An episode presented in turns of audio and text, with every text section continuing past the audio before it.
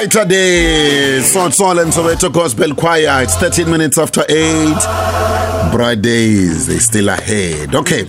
So me break encane masibuye ku Khosi FM sine guest yethu. Kwakumnandi sikhuluma naye over the phone but today unathi live studio. Mama wethu simthanda ngendlela emangalisayo.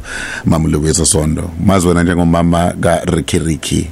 Nencwadi kayenzile eh athi tribute to undodana wakhe. So sokabanzi ngaleyo ncwadi leyo njengalokho ke enathi kunyanga abantu abasha siningi izinto ezizibonayo zenzeka and ayikho into enhle njengesipho ngasinikeza umuntu omusha uma engasekho nanokuthi nje ukuhlale ilegacy yakhe ikhumbuleka ngazo zonke isikhathi lokho kuma S9 namhlanje la ku Cause FM kusinika isithombe sayo lencwadi nanokuthi uma sikhona sobe siyoyijahapi because fanele sibe nayo sonke siyoyithenga. Imbiko, isiphakamiso, imbono kanye nezethembiso okungenzeka sivele kule ngxoxo akuzona izokhozi FM nenhlangano yeSABC. Ukhozi FM luhamba phambili. Luhamba phambili ngempela ukhoze FM usumzwile kumthiya elokho ememeze njalo esho ukuthi ke sihanjelwe namhlanje eh, umama Louisa Zondo umama ka Ricky Ricky esiyohleza simthanda ngaso sonke isikhathi sike sakhuluma naye eh ngo nge nge birthday yakhe eh hayi hayi sike sakhuluma kwakuyi anniversary nakusenje Ngesikhathi yoku- ngonyaka wesikole shaka ayishone ngalo, ya yes. ya sakhuluma naye ingxoxo eh isikhathi eside yangena kuma podcast namanje. Kuma-downloads. iya downloadwa namanje abantu eh be- be- bejabulela ukuzwa i- ilunga lomndeni umama wakhe kuyena eh ozikhulumelayo. Eh namhlanje kuthe cha angikwazi ngisethekwini koze kuyosha umhla ka8 June eh ngihamba nje endaweni ezihlukahlukene ngihambe ngithi eh my dearest Marikiriki. Usekhona ke siyakumemukela mama Louise emsakazweni ukhoze FM angazi noma ngisho la ngithi umama Yazi ngifuna Sis ukuya lapho Louisa. lalela lalela ke lalela Hayi. Hayi kufanele nje sithi uma Louis Louis. angeke ngivume ngeke ngivume umama nje kugcwala umlomo Yeah, oh. kodwa manje omama Waze wamuhle. abasebahle lalela Ayikho. lalela Yo, kusho ukuthi uRicky Ricky istyle wasithatha kumama. Lento le uyithathe kumama ngiyabona mina. Eh. Fashion everything. Awu siyabonga siyabonga. Uyasho kodwa naye memembuza ukuthi kuvelaphi? Athi hayi ukhule ebuka. Yes. konke nje. Um obaba el- elokishini Yeah. obaba ababevakasha ekhaya nomama babe babezibonisa ngendlela yeah. abathanda ukuzibonisa ngayo. So nakuyena ke kwamnikeza ilungelo lokuthi abe ne- nenkululeko yokuthi azipresente ngendlela afuna ukuthi azibeke ngayo. Ingakho iwazwa impela wazwa ukuthi hayi eh, uyena inkosi kaKodini. Eh sidlu Kodini.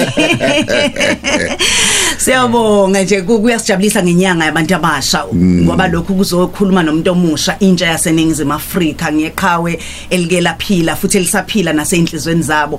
Eh bayafunda kuyo yonke imisebenzi ayenza eyenzela iningizimu Afrika. Ukuphakamisa abaculi abancane nalabo abanganakekile nalabo mhlawumbe ukuthola uthola ukuthi kwesikhathi akadlali akadlalwe emoyeni ngoba ithuba akakalitholi. Akwazi ukuthi abanikeze. Ngiyakhumbula kwamanye ama awards ekhuluma la iICC ethi sebenzisa ifoni yakho. Leyo phone yakho eh ku digi- kuma digital platforms ufaka ingoma yakho. Iyona ndlela ezokwenza ukuthi ukwazi ukukhuphuka phezulu. So ngayithanda kakhulu leyo nto ayisho lapha. Ewinile njalo yeni award wathi ngale award yebo ngiyiwinile kodwa ngiyidedicate wo wonke ama artist amancane nalawa kusemakhaya kodwa nento anomlilo ovalelwe emathanjeni. Siyabonga kakhulu.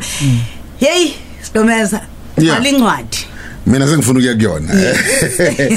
Yini e- ekunike i- i- i motivation nogqozi lokuthi ubhale incwadi? Because uzothi omunye umuntu hey hey bese wonder rich ukuthi kazi kwenzakalani? Yeah. lozimntwana eh you know kuningi kuningi kodwa kwaba nesibindi sokuthi yazi ukuthini? Ithi ngiphume ngibhale. Yeah. Ngingathi nje um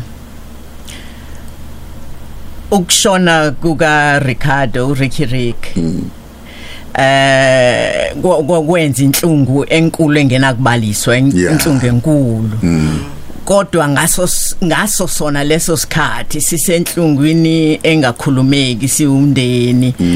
Saluzwa uthando lwabantu sakuzwa ukuhlupheka kwabantu nobuhlungu abakuthwele ngalokushona kuka ka- ka Ricardo eh ngendlela yokuthi kwacaca kimina nasemndenini nje ukuthi ikhona into esingayenza nasebantwini. So ukubathwala nabo abantu kwakuyinhloso eh futhi kuyinto mina engangiyilangazelela kakhulu. Kangangokuba em uma ngikhuphuka intaba eh emva koba uRicardo esanda kushona eh ngaqala lapho ukubhala. Ngangibhala ngokuthi ngizwani ngangibhala ukuthi em ngifisani ngangibhala nokuthi ngikwamkela kanjani ukuxhumana komphefumulo wami nomphefumulo kaRicardo kuleso simo sokuzisusa em ezintweni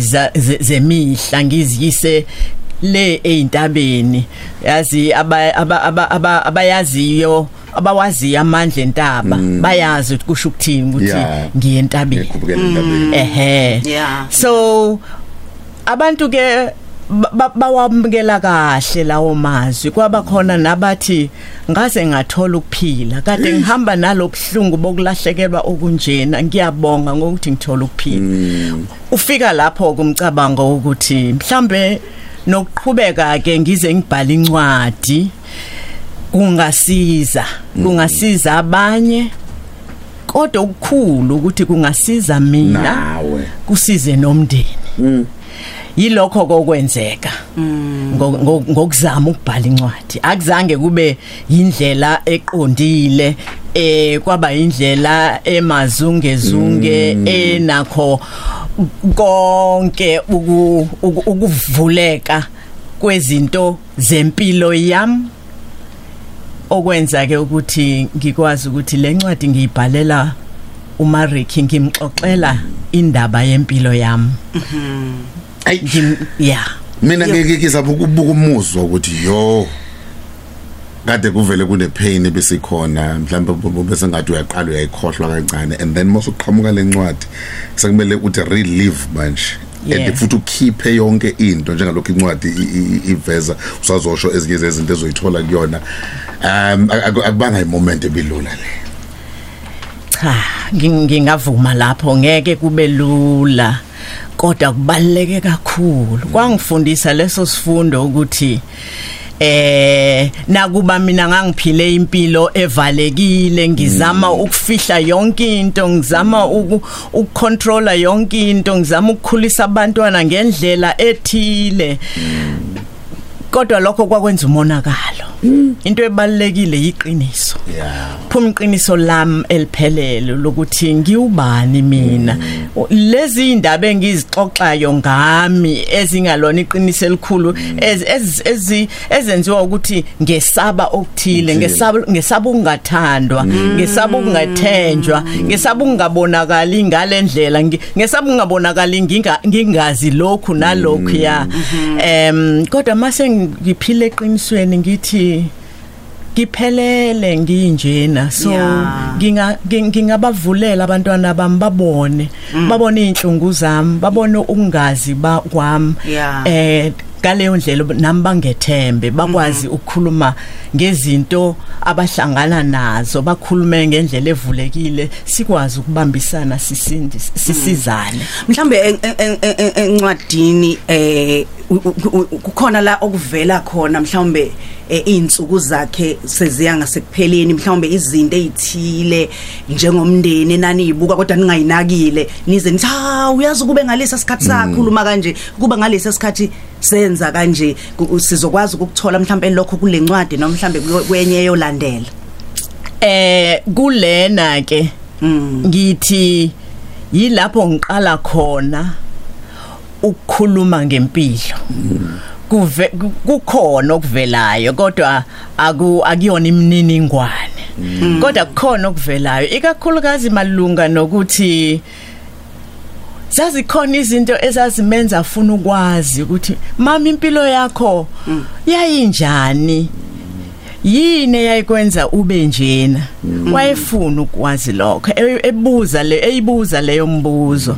Ngamthembisa ke nami ngathi ngizokubhalela incwadi yeah. Ngikwazisa ukuthi kwakwenzekalana empilweni yami impilo yami injani kodwa ngazithola ngehluleka. Ngazithola ngingakwazi. Ngazithola ngingakwazi. Kodwa kwathi ke uma sesingena endleleni yokuzama ukungena eh sigxile. Ekutheni yini lesempilweni yami? Yini le engenze ngaba umuntu onje? Kusuke kubuncaneni bam kuze kuyofika ebudaleni bam. Zavela ke iziphithiphithi zokuphila. Aha. Eh kwafanele ukuthi ngifunde ukuhamba nazi iphithiphithi zami ngizithwale ngipholise lawo manxeba ngize ngithole nanezindlela zok- zokuthola uxolo.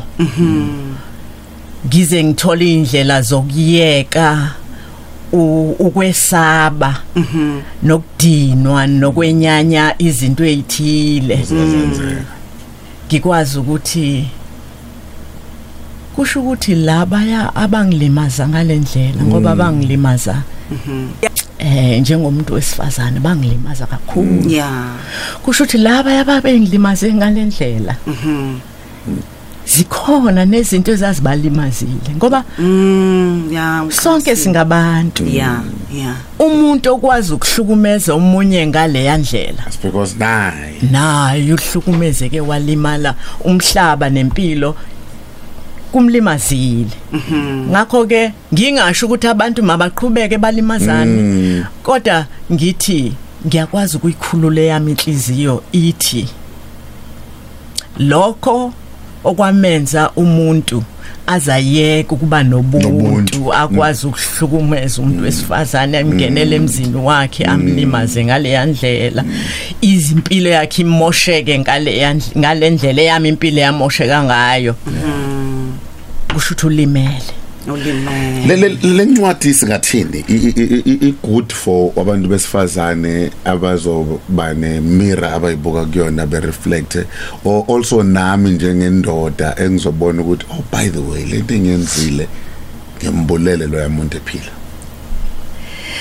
I- i- isifiso sami leso. Ekuyibhaleni incwadi ngangifisa ukuthi mang akaqhubeke nokuphola wamamanxeba. Aphole nangendlela yokuthi ngikhiphe konke lokho kumina ngikhiphe lencwadini okay. Kodwa nginesithe nginesifiso futhi sokuthi lo oyithatha incwadi ayifunde. Eh uthola mhlawumbe naye ukukhanya kokuthi angasuka kule ndawo yokuhlukumezeka lapho ezithole engakwazi ukumuva movela phambili. Angasuka naye athole lolo sizo alidingayo axoxa indaba yakhe kulezo zindawo akwazi ukuyixoxa khona ngendlela ephephile. Mm, hey ngiyayithanda le ngendlela ngendlela ephephile ngoba asifuni ukuthi sizilimaze sizama uku- ukukhipha ubuhlungu obukuthina. Ngiyabona akufuneki ukuthi si bathi ngesingisi yi-retraumatization. Akufuneki ukuthi sizilimaze kabusha. Yes. Fanele sikwazi uku- uku- uku- ukukususa lokhu okuhlezi kuthina ngendlela ephephile.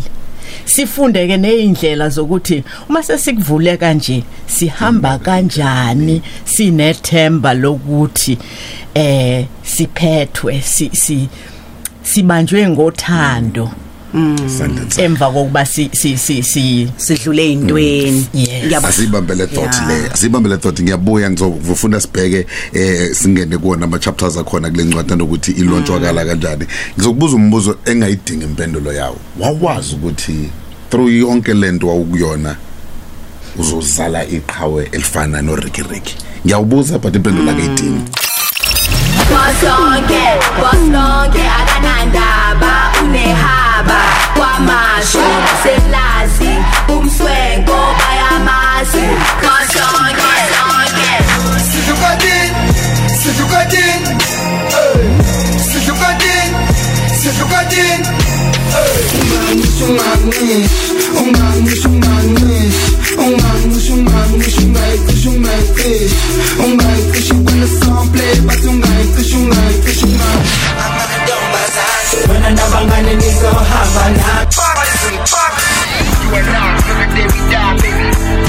It's an exchange of energies, it's an exchange of love. We'll catch you guys on the other side. It's your boy Ricky Rick. If you never hear from me again, I love you. God bless you. Good night. Jabulu Jule ngo9 kuya ku12 ukhozi FM yes ikhipha silande wisho ka lady D uthi if ungasezwa ningasezwa kimi kodwa nazi ukuthi ngiyanthanda ngathi usho kuwe namhlanje hayi usho kuyena hayi ngiyavuma ukuthi akhulume nami noma yinini Yes. ngaso sonke isikhathi Yeah. eh hayi ngiyavuma ngiyavuma impela ngiyacabanga ukuthi noma usemotweni mhlawumbe uyidravela nje uhamba uzusuhleka wedwa uxoxe nikhulume nihleke nixoxe eh u- uyihlalele wedwa endlini eh ukhulume uhleke ukuthi hawu uyazi njalo wena uyabo u- Eh. uza ukuthi ngiyayizwa le energy kakhulu kakhulu Aha. kakhulu em kanti futhi eh, ngiye ngibone nezinto zivele zihlangana ngendlela ebengayilindele Yes. ngivele ngithi oh uwe loyo ngiyabonga Yeah. ehe I can hayi see you. kakhulu yeah kakhulu Okay athina ama ama chapters esingawalindela nanokuthi isikhona itholakala nini anina anina ama launch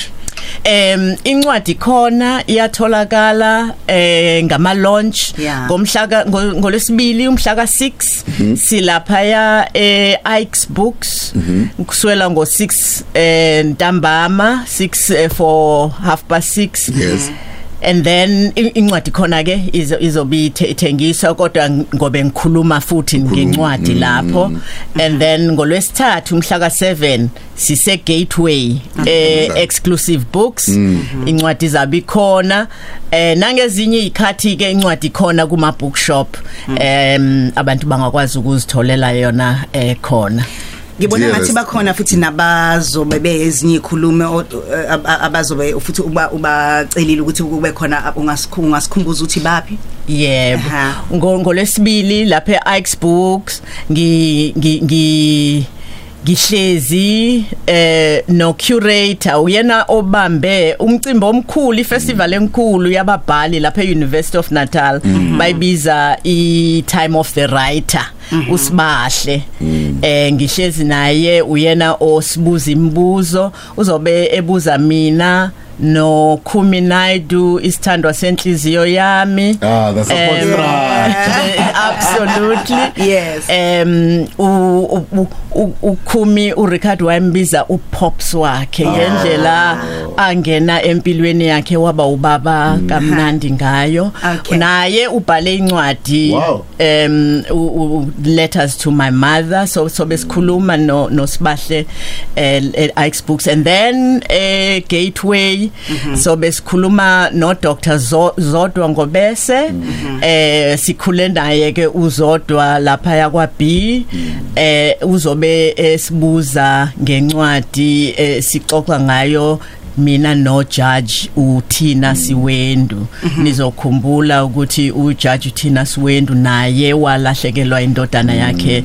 eyayisencane ngeminyaka ngendlela efanayo neka Ricardo yokuthatha im- impilo. And eh i mental health into ke esibaleleke kakhulu em esiphethe na kule foundation esizoyilauncha Oh, ngoJune lewo ukhuluma ngayo ngoFebruary, ngoJune ke siyayilauncha Aha. i Ricky Rick Foundation for the promotion of activism. So besibheke ukuphila kwabantu abancane isikakhulu kodwa Yes. impilo nje yabantu eh, bonke sisebenzisana sif- sibiza ukuthi masisebenzisane nabantu nama organization afocuse kulo mkhakha we- wo- wokwenza ngcono i mental health ne well being emphakathini. Singakadedeli nje eh, sibonge kakhulu ngakho konke usuthe wakwenzela isizwe ngoba uRicky Rick bekungaseyena wakho kuphela kepha eh, ube ube ngomhlaba ube ngoeAfrika namazwe angaphandle akade bemthanda kakhulu. Eh nathi la emsakazweni eh, ukhozi FM uyazi ke nawe sikhule ngalo si- si- asiyindawo so lokhu sikhona njalo. 63 years ukhozi lukhona thina umlayezo wakho ongawusho kubo bonke abalingana nokhozi abana 63 abancane abadala. Eh ungathini nje kuyibirthday yokhozi FM awu bakithi mangiqala nje ngo happy birthday kukhozi. Ngithi ukhozi maliqhubeke luwenza lo msebenzi. Lo msebenzi uwona sonke sibizele kuwona ukuthi siloku sizixoxa indaba zethu.